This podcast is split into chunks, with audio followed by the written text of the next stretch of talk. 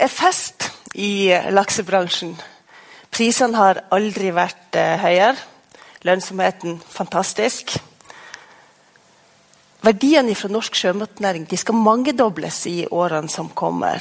Men klarer oppdretterne å skape en vekst som også er bærekraftig? Velkommen til Sysla Live. Det er kjekt at dere vil være her med oss i kveld. Mitt navn er Marit Holm. Jeg er redaksjonssjef i Sysla. Og det er en eh, stor glede å kunne presentere kveldens panel. Kan vi klappe?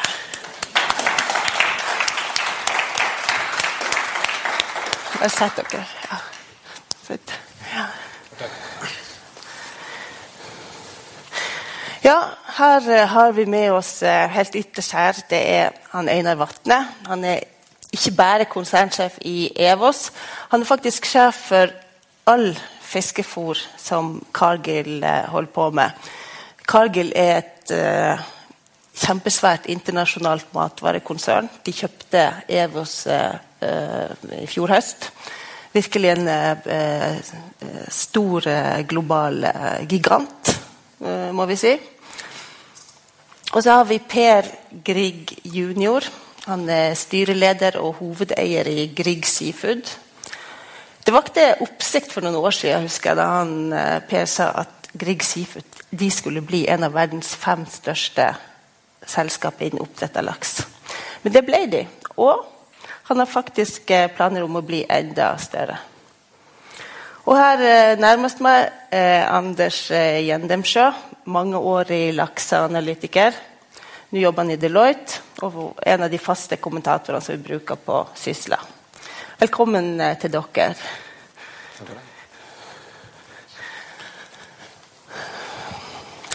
Og I kveld så er det sånn at vi har faktisk eh, litt breaking news. Fordi at eh, Per han har eh, storstilte planer i Canada. Eh, du startet et helt nytt oppdrettsselskap der. Eh, så jeg bare håper du rett og slett kan fortelle hva det er du uh, Dette har, uh, har, så vidt vært nevnt i norske medier, men ikke, ikke omtalt. Må, ingen som vet hva du holder på med der. Ja, jeg får håpe det er noen som vet litt. Um, ellers kommer man ikke særlig langt. Uh, det er faktisk en betydelig aktivitet som har pågått nå siste året spesielt. Uh, men uh, vi har vel sett på østkysten av Canada i, i, flere år om det var mulig å etablere noe der. Ehm, jeg husker for, eh, for, eh, noen år siden, når, eh, det er vel ikke mer enn to år siden, når norske konsesjoner ble solgt for 50-60 millioner kroner for et papir med tillatelse til å produsere 1000 tonn med laks, så tenkte jeg at det der vil gjøre norsk oppdrettsnæring eh, ikke konkurransedyktig internasjonalt. Så vi må finne noen andre løsninger. Uh, og Da er det å finne nye uh, områder uh, som ikke er utbygget, og som har de, de naturgitte forhold som du trenger for lakseoppdrett, det blir da viktig. Uh, og Det er en god del av de områdene, men det er veldig få steder hvor det er politisk mulighet til å få til noe skikkelig. Men på østkysten av Canada er det stor politisk vilje til å, bygge opp ny oppdrettsnæring. Så, um, så, det vi har fått til, er en avtale med myndighetene om å etablere et stort nytt laksekløster som skal produsere rundt 30 000 tonn laks etter hvert, som blir utbygget. Eh, det tilsvarer ca. 150 millioner måltider i året. Så det, det kan i hvert fall hvis en amerikan, amerikanske forbrukere kan spise en, et laksemåltid annethvert år fra dette området. Så Vi ønsker jo at amerikanerne skal spise mye mye mer laks. Eh, I dag så spiser de ca. 1 kilo laks i, i, eh, i året. Um, i, i, Europa så er det nesten to kilo laks, og, og dette er det raskest voksende markedet. Så, så det er det vi holder på med. Ja, Og eh, i omsetning så tilsvarer det med dagens priser? Ja, Med dagens priser så blir det jo eh, fantasifigurer. Men, eh, men, men, eh, i en normal situasjon hvor vi kanskje får 40 kroner kiloen, så, så 40-45 kroner kiloen, så vil dette tilsvare 1,5 milliarder norske kroner i, i, omsetning. Altså det er en ganske stor satsing, dette. Og det er vel gode nyheter for fòrindustrien, Einar? Jeg tror det er gode nyheter for fòrindustrien, men ikke minst gode nyheter for hele laksenæringen, som sliter litt med å finne plasser der man kan vokse. Og det at næringa nå er villig til å investere på nye områder, og kanskje òg ta eh, i bruk eh, det vi har lært om å drive oppdrett i litt kaldere farvann eh, i andre og nye, si, litt nye geografier, det tror jeg er veldig spennende og kan gi nye, ny mulighet for vekst. Og, og, det viser jo litt at det blir litt trangt i de sentrale strøk for oppdrett, så, så finner en nye områder. og og Vi ser jo ikke bare kysten av Canada, men vi ser stor interesse for Island. Vi ser eh, stor interesse langt sør i Chile. Så det er kanskje noe av den trenden vi ser. Ja, Må vi ut eh, for å få vekst, eh, Anders? Kommer det en ny bølge nå hvor norske oppdrettere drar utenlands? Ja, det kan godt være at det kommer, kommer en ny bølge, men uh, på ingen måte så må vi ut av landet hvis vi ønsker vekst. Vi har gode muligheter fremdeles i Norge, men mye av det handler om uh, det politiske. Hvis du ser på hvilke muligheter som kan være i Norge, så hvis du hadde samme tetthet av oppdrettsanlegg i de andre fylkene i Norge som du har i Hordaland, så kunne du nesten tredoblet produksjonen.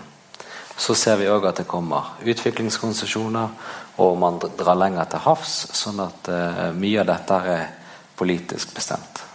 Og per i dag så eh, er det vel utviklingskonsesjonene som på en måte kan gi det største håpet for vekst, men det er litt uavklart ennå hvor mange konsesjoner det blir, og når de kommer. Og så er Det klart at det baserer seg på helt ny teknologi som vi ikke vet om funker. Og hvor de skal ligge, og hvor produktive de, de blir. Og hvor mange av de som blir realisert. For det er jo mange fantasifulle planer. Eh, jeg tror at, at, man skal ta et steg om gangen når det gjelder ny teknologi. Eh, myndighetene har invitert til en idédugnad, og da blir det fort mange gode ideer og mye tall. Eh, men jeg tror at oppdrettsindustrien vil basere seg si, på standard oppdrettsteknologi i mange mange år fremover. Og det har vi full mulighet til. Og vi kan få en god vekst både i Norge og utlandet gjennom å basere seg på teknologi som vi allerede kjenner godt til. Mm. Jeg tror også at Vi skal ikke undervurdere viktigheten av vekst for den langsiktige lakseproduksjonen. fordi markedet vokser så fort at vi er nødt for å fylle på med produksjon for å opprettholde interessen i markedet. Og sånn som det er nå, så er vi jo faktisk i en situasjon der det nesten er underskudd av laks på verdensmarkedet. Så det er veldig bra at noen utfordrer og tar i bruk både ny teknologi og nye geografiske områder, sånn at vi klarer å holde en stabil vekst og, og klarer å utvikle nye markeder hele tida. Cargill eh, de kjøpte seg opp i Evos fordi at de ønska å gå inn i sjømatnæringa.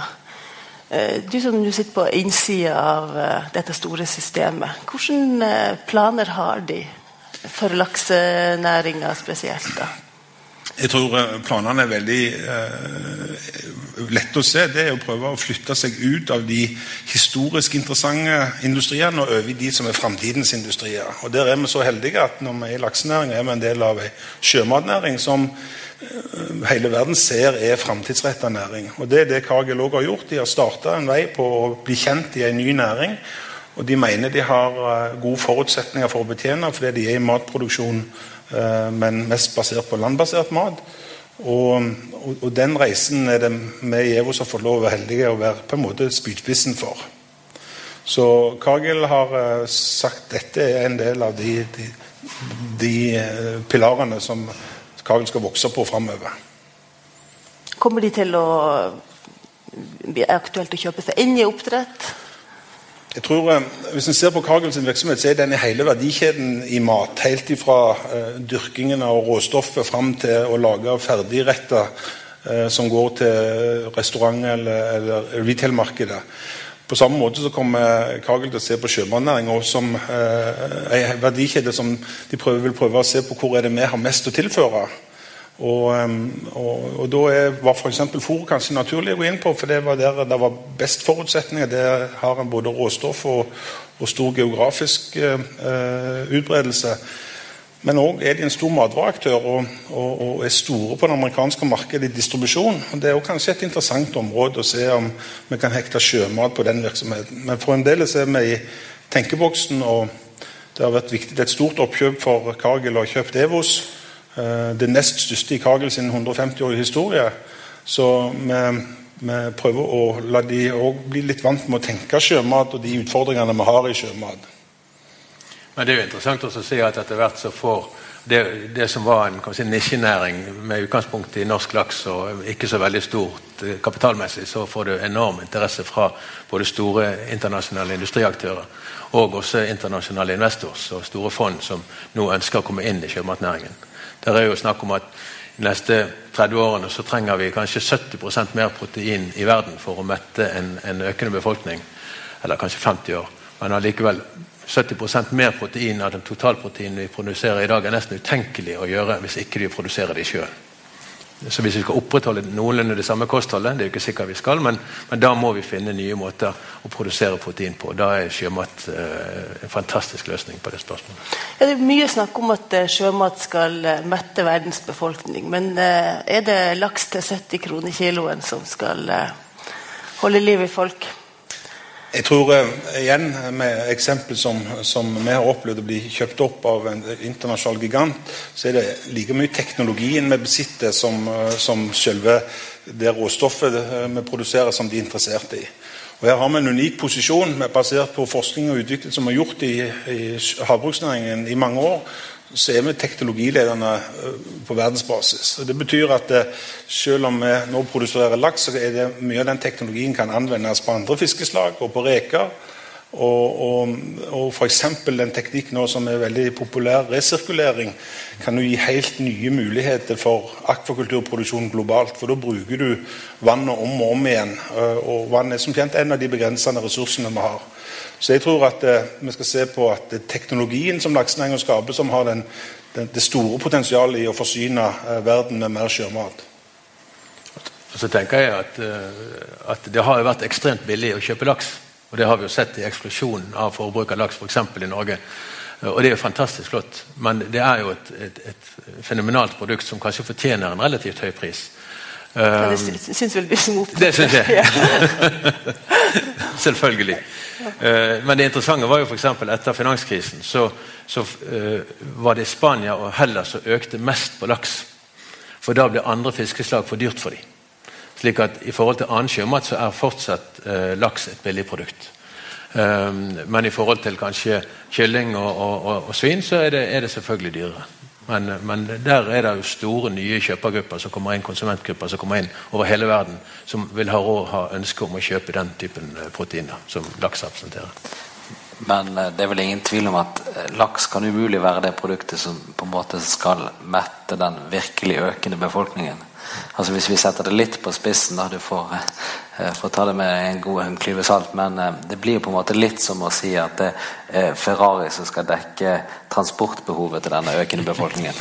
Altså det, det er, så jeg tror litt av nøkkelen ligger i dette som på en måte Einar sier, i forhold til at her handler det om å ta i bruk denne teknologien og eksportere den til å bli et gode rundt omkring som kan eh, øke en stabil og god matproduksjon rundt omkring av en billigere art enn laks. Ja, og Det dreier seg vel sikkert om å finne de rette råstoffene for fôrproduksjon, som gjør at vi kan holde kostnadene på oppdrettsfisk eh, på et lavt nivå. Det, det, men det som i hvert fall er spennende der, i den relative eh, konkurransekraften, det er jo at eh, sjømat har en sånn god utnyttelse av alle fôrråstoff. I forhold til de fleste andre dyreslag så er jo eh, fisk en mye bedre fôrutnytter. Så i den grad at en skal bruke fôrstoffet til å lage eh, protein, så er det å bruke det til fisk som er den beste, og, og, og kanskje av laks den aller mest effektive fôrutnytteren. Men hvis jeg får lov å stille han et spørsmål Ok.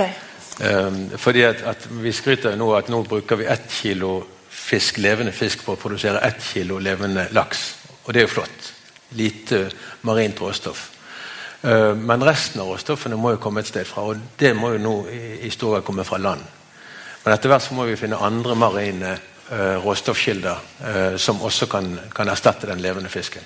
Så hva tenker dere om det?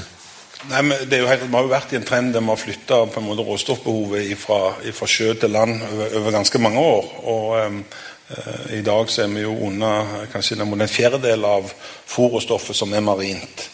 I tillegg så er en stor del av det marine råstoffet kommer fra avskjær og er på en måte biproduktet fra eh, si, hvitfiskindustrien.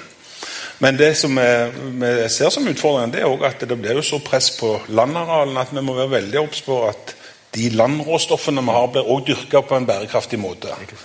eh, miljøriktig. Og vi har jo f.eks. utfordringer knytta til soyadyrking eh, på områder der det har vært hogd eh, regnskog. Mm. Det er den type problemstillinger som vi er veldig oppmerksomme på og, og, og unngår at vi vil kjøpe fra sånne typer områder. Men det, det er på en måte den forbrukerbehovet som dukker opp, og som vi blir nødt til å forholde oss til. Eh, og Det synes jeg gjør det veldig spennende. Det er nemlig at vi, det er ikke nok bare å forsyne maten effektivt, men den skal også være produsert på en eh, bærekraftig måte. Og Det åpner også opp enorme muligheter for norsk oppdrettsteknologi og norsk oppdrettsindustri, nemlig å finne det fôrråstoffet i havet. At Hvordan kan vi greie å dyrke havet på en annen måte enn det vi gjør i dag? Hvordan kan vi høste også de lavere eh, produksjonslag, altså alger og, og, og, og smådyr, små krepsdyr f.eks.? Ja, er det en mulighet som eh, oppdrettsnæringa kan kapitalisere på andre arter enn eh, en laks, eller på andre ting enn laks? da? Oljeservice det er jo gått ifra nesten ingenting til 200 eh, milliarder i eksport 15 år. Hva er mulighetene for lakseservice? Ja, altså Det er jo mange tjenester eh, som leveres som lakseservice. Og, vi har jo i dag store bedrifter som produserer teknologiutstyr, som eh, har eh, rot i, fra kanskje små mekaniske bedrifter her på Vestlandet, og som har klart å organisere seg sånn at de er blitt store på eksportmarkedet. Eh, vi har eh, legemiddelfirmaer som har utvikla vaksiner i Norge som blir eksportert. Eh, vi i fòrbransjen eksporterer kunnskap. Eh, så det er allerede en stor eh, både tjeneste- og produkteksport. Og jeg tror det har ennå et kjempestort potensial å utvikle videre. Men det er jo litt slik at, at, Du må ha noen motorer i en sånn industri. og det er jo helt klart at oppdretteren eller lakseoppdretteren, akkurat som i marin, maritim industri, så har du rederiene som på mange måter er motoren for hele clusteret av leverandørindustrien. Eh, så blir det litt det samme her. at Vi, vi er nødt til å ha et sterkt oppdrettscluster i, i Norge, med utgangspunkt i Norge for at leverandørindustrien skal, skal kunne hevde seg også internasjonalt. Du investerer jo 400 millioner i et landbasert eh, opplegg i, eh, i anlegg i Canada. Er det en teknologi som kan brukes andre steder, og kanskje til andre arter? Absolutt, og det gjøres det jo allerede. Uh, og Der er det jo mange ulike teknologier. og, og Nå skal ikke vi reklamere for, for leverandører her, kanskje, men, men vårt konsept vi bruker der, det er faktisk et israelsk konsept. Hvor de har, eh, har bodd i ørkenen i en kubus, og så har de funnet opp en måte å, å oppdrette eh, fisk på land eh, i, i, basert på resirkulering. Det er 100 resirkulering. Eh, der tar de vann fra 600 meter dyp, 50 grader temperatur, og så greier de å kjøle det ned midt ute i ørkenen og produsere eh, Sea Bream, som er en, eh, en middelhavsart som er stort marked. Så, så ingen tvil om at teknologien kommer til å finne veldig mange anvendelser etter hvert, og at vi ser laks, oppdrett av fisk på land i mange mange land i verden. Eh, men, men de store volumene eh, de må vi bruke fortsatt havene til å få frem. For eh, landbasert oppdrett tar mye plass. og Vi snakker om noen tusen tonn her og noen tusen tonn der, men skal vi bli stor på laks, for eksempel, så snakker vi om mange millioner tonn økning i løpet av de neste, eller per tiår for å mette det markedet som er der. Anders? Ja, det er litt interessant de, de tallene som Per nevner her. altså Han skal eh, ha et eh, setup i Canada, og så til det så bruker han et landbasert anlegg til 400 millioner. Og så forventer vi en økning i sjømatproduksjonen globalt. Det sier noe om de investeringene som vil komme.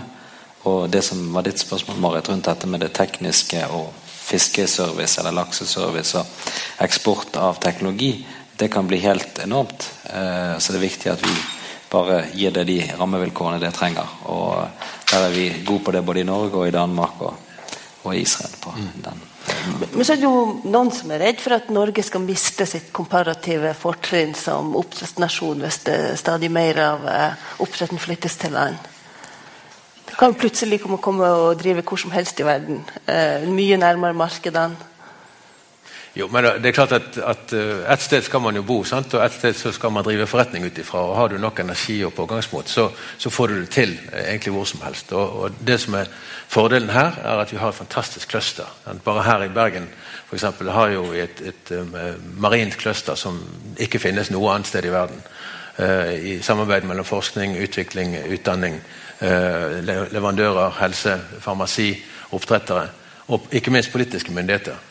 og man har funnet en måte å samarbeide på som er faktisk veldig effektiv.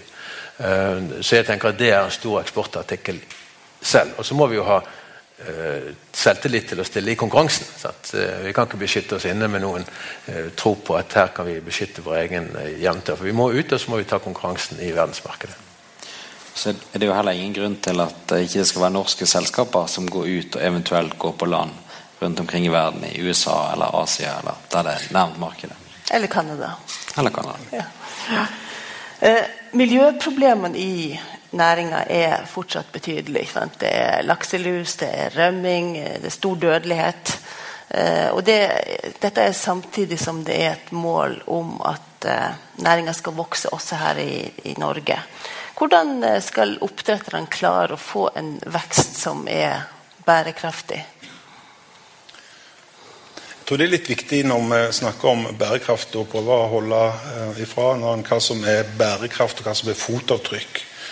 Um, og jeg tror kanskje I debatten så har det blitt blanda begrep litt. Det er ingen matproduksjon som kan bli gjort uten at det blir noen merker i naturen. Uh, vi hadde ikke hatt kulturlandskap hvis ikke vi hadde dyrka landjorda for å dyrke mat. Og på samme måte så vil det være eh, spor etter, etter oppdrettsnæringa òg i sjøen. Um, jeg tror um, at vi har noen miljøutfordringer som vi ikke har løst.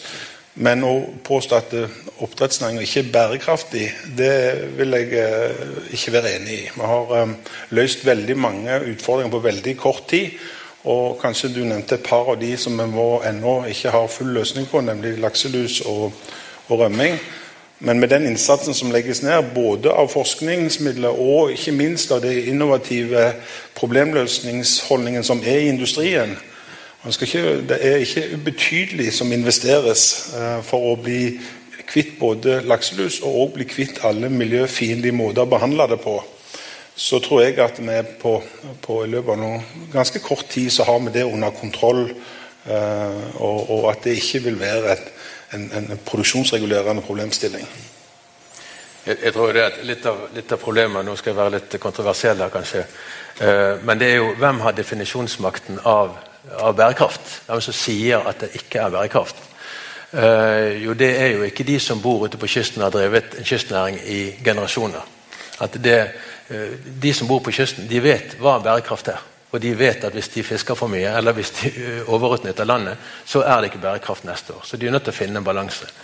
og den balansen må selvfølgelig vi i oppdrettsnæringen også finne.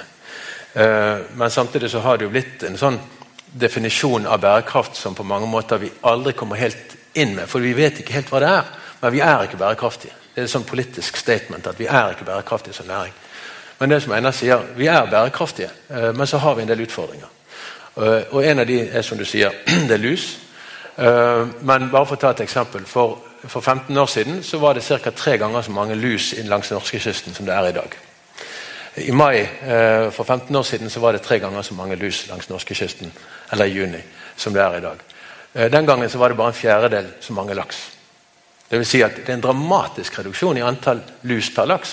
Det er også en absolutt reduksjon i antall lus.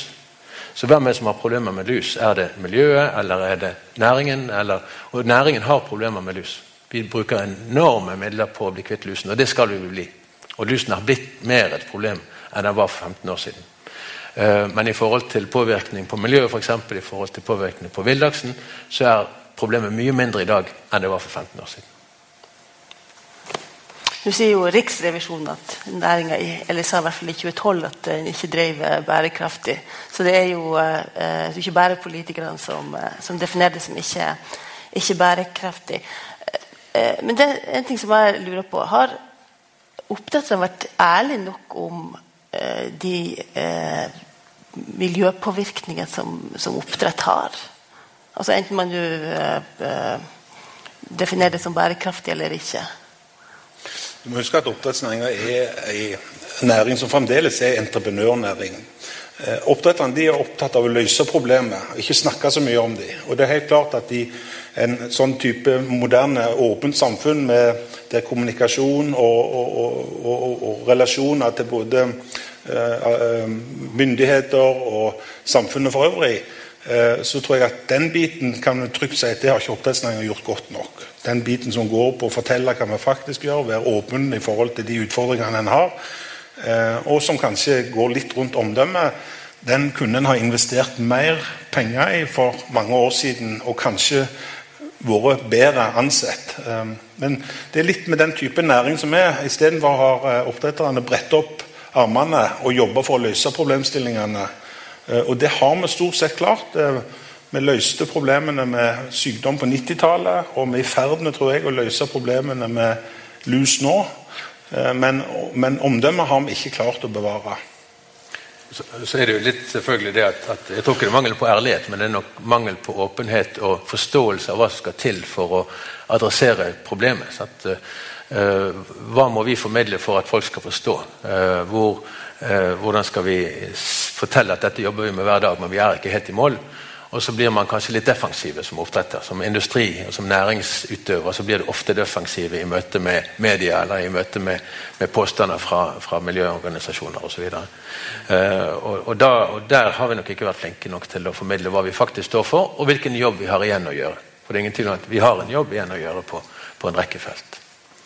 Samtidig så ser du det at jeg reiser rundt og deltar på mange av disse sjømatkonferansene. og Jeg opplever jo selskapene som veldig ærlige der. Man holder jo presentasjonene, altså som en del av veldig mange av disse prestasjonene så snakker man om utfordringene sine. Jeg er litt usikker på om det er så mange andre næringer hvis du drar rundt som på olje- og gasskonferanser eller andre ting, og så forteller de om alle sine utfordringer på samme måte. Så jeg vil jo si at næringen er ærlig og flink på det der. Og så må vi kanskje også eh, vurdere litt eh, Det blir litt også, hvis du relaterer det til forurensning. sant?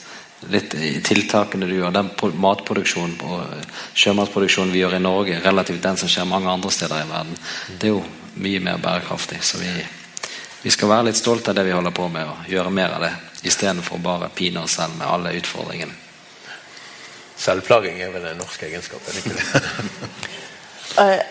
per, du sa i et intervju en gang at alle elsker laks, men det er ingen som elsker lakseoppdrettere.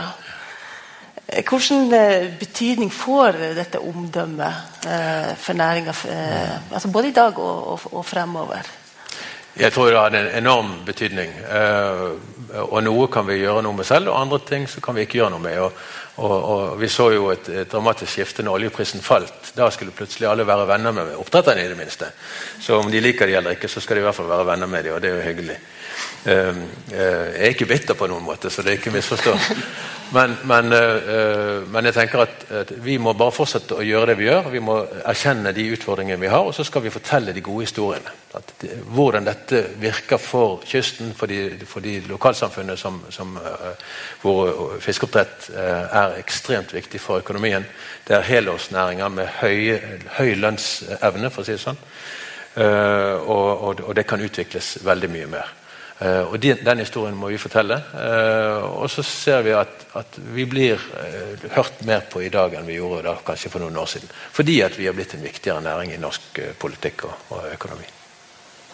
Det er kanskje ikke minst i det området som, som opp, oppdrettsnæringa virker, nemlig lokalsamfunnene, som, som en kanskje har fram til nå nå tror jeg det er mye som endrer seg, ikke gjort jobben. At vi ikke har klart å få distriktspolitikerne til å være 100% med oss. Det burde, det burde nok ha starta med tidligere, men nå skjer det en fantastisk endring der oppdrettsbedriftene blir, eh, er mye mer aktive i lokalsamfunnet og, og dokumenterer hva slags verdiskapning det faktisk står for. Ikke bare sjøl, men òg ringvirkningsanalyse. Eh, og, og eh, jeg ser jo at og nå når kommunene kan få en del av den verdiskapningen i form av uh, dette nye fondet som er oppretta, uh, så vil det òg være attraktivt for kystkommunene å være vertskap for eller enda mer attraktivt å være vertskap for, for oppdrettsbedriftene. Ja, da, og Vi må jo erkjenne det at vi har nok ikke vært flinke nok til å synliggjøre den lokale verdiskapningen.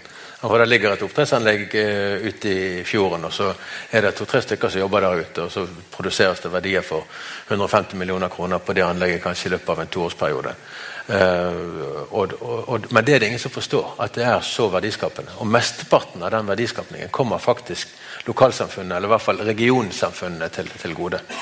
i, uh, i Hordaland og Rogaland så kommer 90% av all verdiskapning tilbake til regionen. Og Det vel nesten ingen annen, annen i, i Norges, eller eksportnæring i Norge som har den typen ratio. Hvis du ser på skipsbygging eller på offshore, så er det veldig mye mer større importandel til verdiskapningen enn det f.eks. er i, i, oppdrett. Det er vel bare litt fôrråstoff som dere importerer eh, som, er, eh, som, ikke er produsert i Norge. Men så, men så, har du jo dette også med, med at omdømme Jeg tror omdømme er en av de største begrensende faktorene for å få til vekst. Siste konsesjonsrunde i Norge var vel i 2009. Mm. Og etter det har det vært ingen ordinære konsesjoner. Altså, og For å få til vekst så ser det ut til å være sånn eh, veldig få eller ingen politikere som kan stå med rak rygg og si at ja, vi ønsker mer vekst, og vi tildeler vanlige konsesjoner. Det vi så før utviklingskonsesjonene, var jo grønne og mørkegrønne eh, konsesjoner med alle mulige rare krav rundt, som det ble en sånn skjønnhetskonkurranse for å få det kanskje politisk akseptabelt. Og Tilsvarende nå så henger man det på hatten av utviklingskonsesjoner. Og jeg tror at Litt av grunnen til det er det at det er litt politisk vanskelig å få til. Og rett og slett si at nå kjører vi en ny, vanlig konsesjonsrunde. Kjør det utstyret som funker, og send inn en søknad. Heller Eller by, eller på en måte gjør dette. Det. Nei, jeg tror du har veldig rett i det at, at, uh, at det er så sterke motkrefter blant, uh, blant uh, spesielt miljøvernorganisasjoner til at man skal utvide denne næringen. Og de blir lyttet til i større grad enn kanskje næringen selv. Så, så, jeg tenker at vi, vi, trenger noen gode advokater som kan fortelle, eller ambassadører som kan fortelle uh, den glade historien om hvor, hvor, hvor fin denne næringen er. Uh, og Det kan vi selvfølgelig prøve å gjøre selv, men, men det er klart at uh, det er ofte vanskelig når du selv sitter og er næringsaktør og er involvert i det, å fortelle at dette er veldig bra. For da blir folk skeptiske. De hører mer på en tredjepart som er en uavhengig forsker eller en uavhengig miljøvernforkjemper. Eller er ikke det sånn media har? Jo da. Du sier ser at eh, kommunene er, er begeistra, eh, eh, men det er jo skuffet over at de ikke får sånn arealavgift. Ville det, nok, kunne det vært noe som ville hjulpet eh, med omdømmet til laksenæringa? Hvis eh, de mer direkte hadde betalt tilbake til lokalsamfunnet?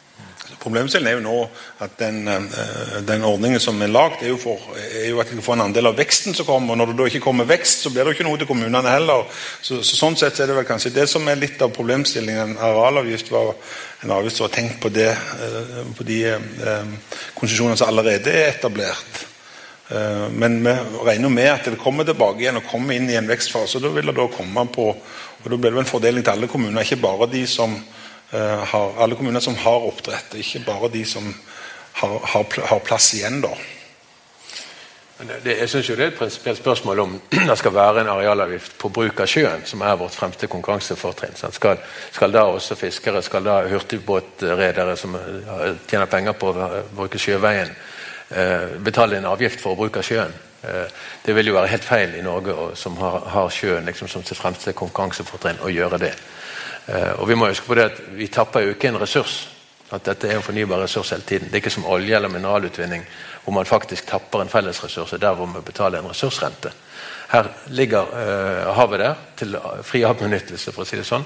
Uh, og Det øyeblikket du fjerner oppdrettsanlegget, så i løpet av en maks ett til to år, så vil du ikke se at det har ligget et anlegg der uh, noen gang.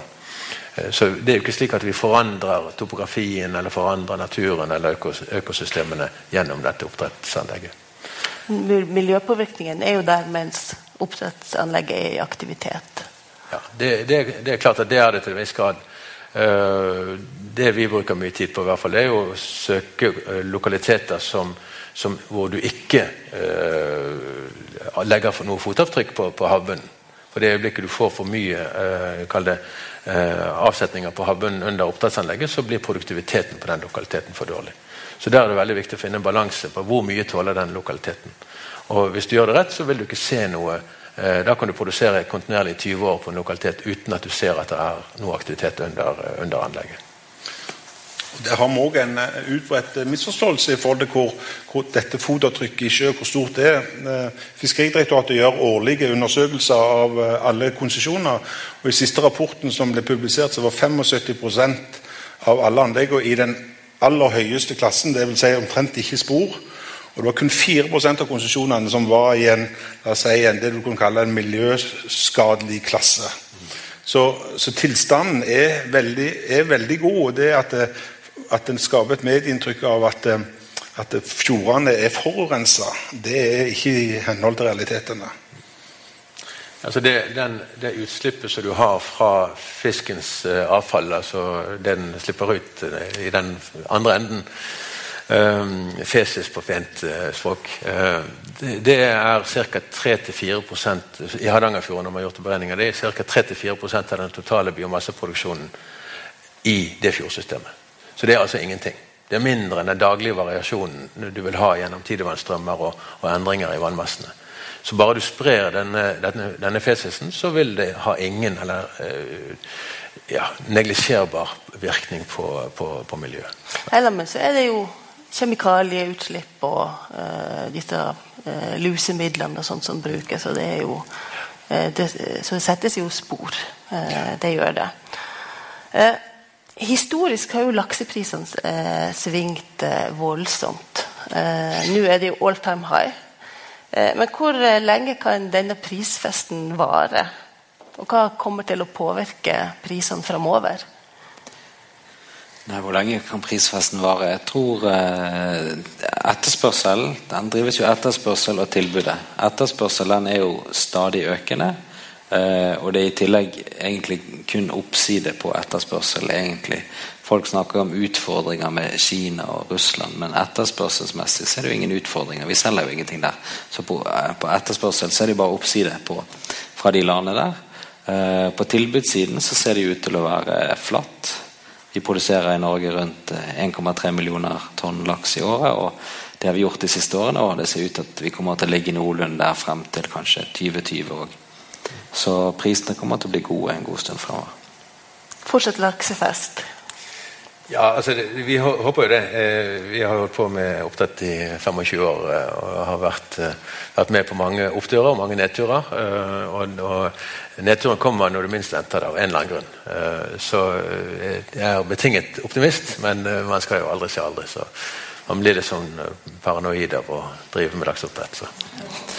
Du skal jo bare tilbake til høsten 2011, så var lakseprisen rundt 18 kroner på det, det svakeste punktet. Mm.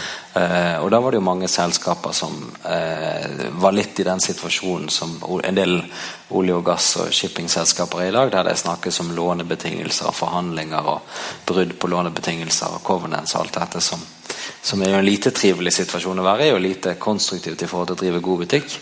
Eh, men de er jo på en måte vasket vekk akkurat for laks for øyeblikket. Det er jo veldig solide selskaper blitt etter hvert. Så, så, det er klart det er en betydelig mye større motstandskraft mot et, vi si, kortvarig uh, tilbudssjokk. For det er et på mange måter som vil ødelegge markedet. markedet laksefesten blir ødelagt hvis det plutselig kommer 20% mer laks i markedet uh, over natten. Og Det kan skje hvis du har en ekstremt god tilvekst, du har lav dødelighet, du har, har uh, gode temperaturer kaldt om sommeren, hufsete og fælt for, for, badeturister, men flott for laks. Da, da, kommer det mye laks ut i markedet om høsten. og Da kan du få et sånt tilbudssjokk som, som uansett om, eh, om, etterspørselen er god, så vil, vil du få prisfall. Siden du nevner oljebransjen, Eh, er dere engstelige for at dere skal få en sånn kostnadsspiral som oljebransjen fikk? Der var jo eh, etterspørselen høy. Eh, det var vanskelig å levere nok. Det var det bare å peise på, som vi sier på min dialekt. Alt det der med at jeg kunne holde. Det, kan, kan laksenæringen risikere å gå i oljefella? Ja, de kan jo risikere det, men vi får jo håpe at de lar være å gå i den fellen. Eh, men det er jo klart at det er jo eh, en del av det, som drives frem i dag, er jo ganske store, faste investeringer. Og Spesielt hvis du ser på utviklingskonsesjonene. Så Det er jo ingen av de som virker å være helt eh, drevet i en retning av å få lavere produksjonskost og lavere investeringer. Så en viss varsomhet må nok utvises. Så i, i, oppdrett er det slik at de biologiske resultatene som avgjør kostnadsnivået ditt. Nesten utelukkende. Det er klart Kapitalkostnaden er viktig, eh, men hvis du får lav dødelighet og du får god fòrfaktor, eh, så får du fantastiske resultater. Og det som har, har, har, økt, det som er grunnlaget for kostnadsøkningen i de siste årene, i tillegg til noe på kapitalsiden, så er det først og fremst eh, kostnader til behandling. Behandlinger mot lus, behandlinger mot sykdom. Eh, en dødelighet som er for høy i forhold til det som det burde være. Eh, og Det er klart at det er de store utfordringene i, i oppdrettsnæringen i dag. Det er å bli kvitt lusen på en bærekraftig måte, og det å få ned dødeligheten. Spesielt knyttet til virussykdommer som, som er, er litt for høy. Det er jo klart at Hvis du har et produksjonskostnadsnivå i Norge som i dag er på en 30-32 kroner kiloen, mm. og så ligger jo siste tiårs laksepris ligger jo på litt høyere enn det. Sånn at det er jo klart at Hvis lakseprisen skulle falle tilbake til snittet, og produksjonskostnaden fortsetter å stige, så, så har vi en utfordring. Og Der jeg syns eh, laksebransjen kunne eh, med hell fått mer til, det er jo å ta ut effekter av den volumveksten man har hatt. For lakseprisen, nei, Eh, produksjonskostnaden har bare økt siden 2005, mens volumene har økt ganske kraftig frem til de siste årene. Så der har man gått glipp av de skalaeffektene der. Litt på behandling og litt på en del andre ting, men eh, jeg tror at eh, den innovasjonen og det fokuset som skjer nå, kan være med å drive det nedover. Til slutt, eh, Dere har jo skrøtet av eh, Bergen stort. Eh, du sa jo dere ble kjøpt opp første gang. Dere ble kjøpt opp av en finansiell eier, fondet. Så sa du at du ble bare med videre hvis hovedkontoret ble liggende i, i Bergen. Og du Per, du har jo nettopp skrøt av dette enestående miljøet som er her. Kommer Bergen til å forbli eh, laksehovedstaden, verdens laksehovedstad fremover? Jeg tror Bergen skal ha enda større ambisjoner. At vi skal være senter for akvakultur. Og ikke bare, bare snakke om laksen, men om hele eh, oppdrett av, av, sjømat.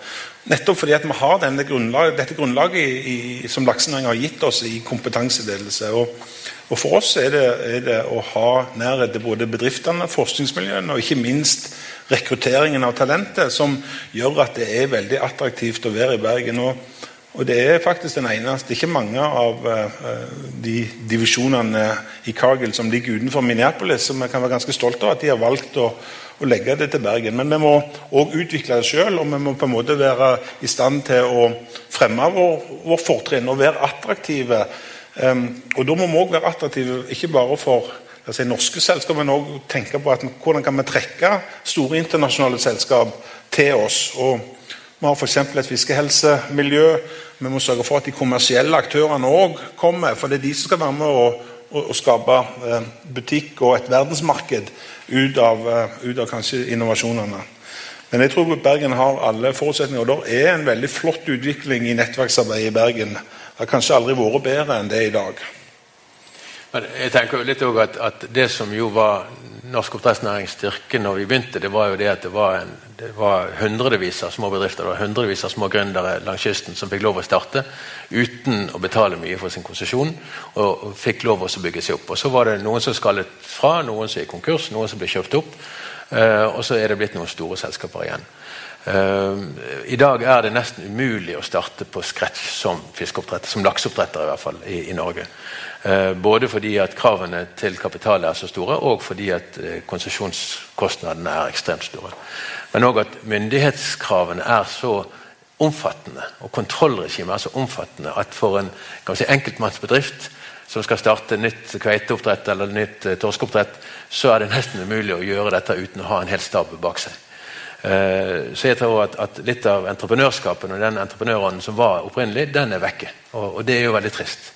For jeg tror at, det er det vi lever av i Norge. Det er å skape nye virksomheter som etter hvert blir solgt til storkapitalen ute. For det, det er nesten som en naturlov at etter hvert som vi blir stor, så greier ikke norske eiere å holde tak i dette lenger. Ikke, ikke godt nok, i hvert fall. Der er selvfølgelig noen unntak, men, men det er ikke mye rom for norsk eierskap. For eksempel, Eh, i, i, i, leverandørindustrien eh, i dag. Har vi sett f.eks. på eh, fòrsiden og på, på helsesiden at, at, det er stort sett avlssiden, utenlandske aktører som kommer inn. Og oppdrettsnæringen. Store eiere som kommer fra, fra, fra, utlandet. Så får vi håpe vi greier å holde hovedkvarterene i, i Bergen og, og, og, i Norge. Men vi skulle gjerne sett litt mer entreprenørskap også knyttet til oppdrett. Ikke bare til leverandør og, og tjenesteyting. Ja, du vil jo ikke selv. Nei, jeg vil ikke selv. Du, eh, hvor, og nå skal du utvide. Hvor eh, stor eh, skal Grieg Seafood bli, da? Nei, det får nå bli som det blir. Jeg har ikke noe, noe, noe, noe altså vi, vi, er en del av, av Grieg-gruppen, som, som er, har 130 års historie, i 34 års historie i, i år. Og, og, og vi har vi driver industriutvikling på lang sikt. Eh, vi tenker litt i generasjonsperspektiv, det høres veldig flott ut. da. Men, men, det er klart at det er motiverende å jobbe i en familievirksomhet. og Hvis du får det til på en positiv måte, så er det ingen grunn til å selge.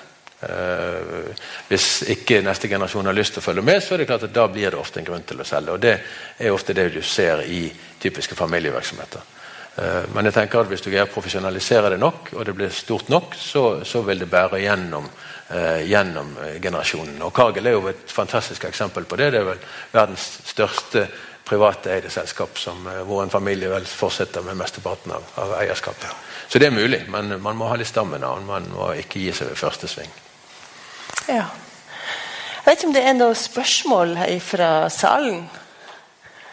I så fall så er han Ørjan straks eh, klar med mikrofonen. Det er noen som har uh,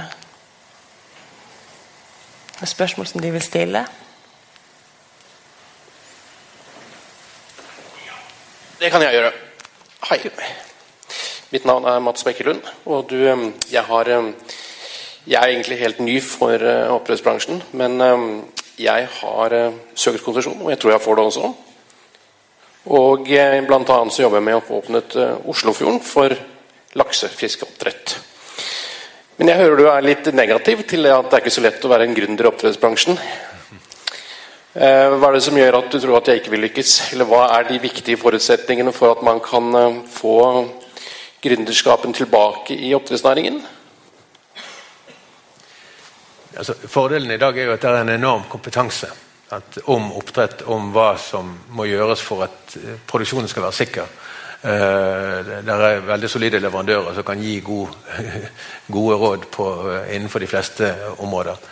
Men du skal jo ha litt flaks, og så skal du ha nok kapital, og så må, du, må man ta ett et steg om gangen. Og det tar tid. Men, men, det er jo kjempespennende, det du sier der. Og det, hvorfor skal ikke man drive laks i Drammenselven var vel en av Norges største lakseelver en gang i tiden? var ikke det?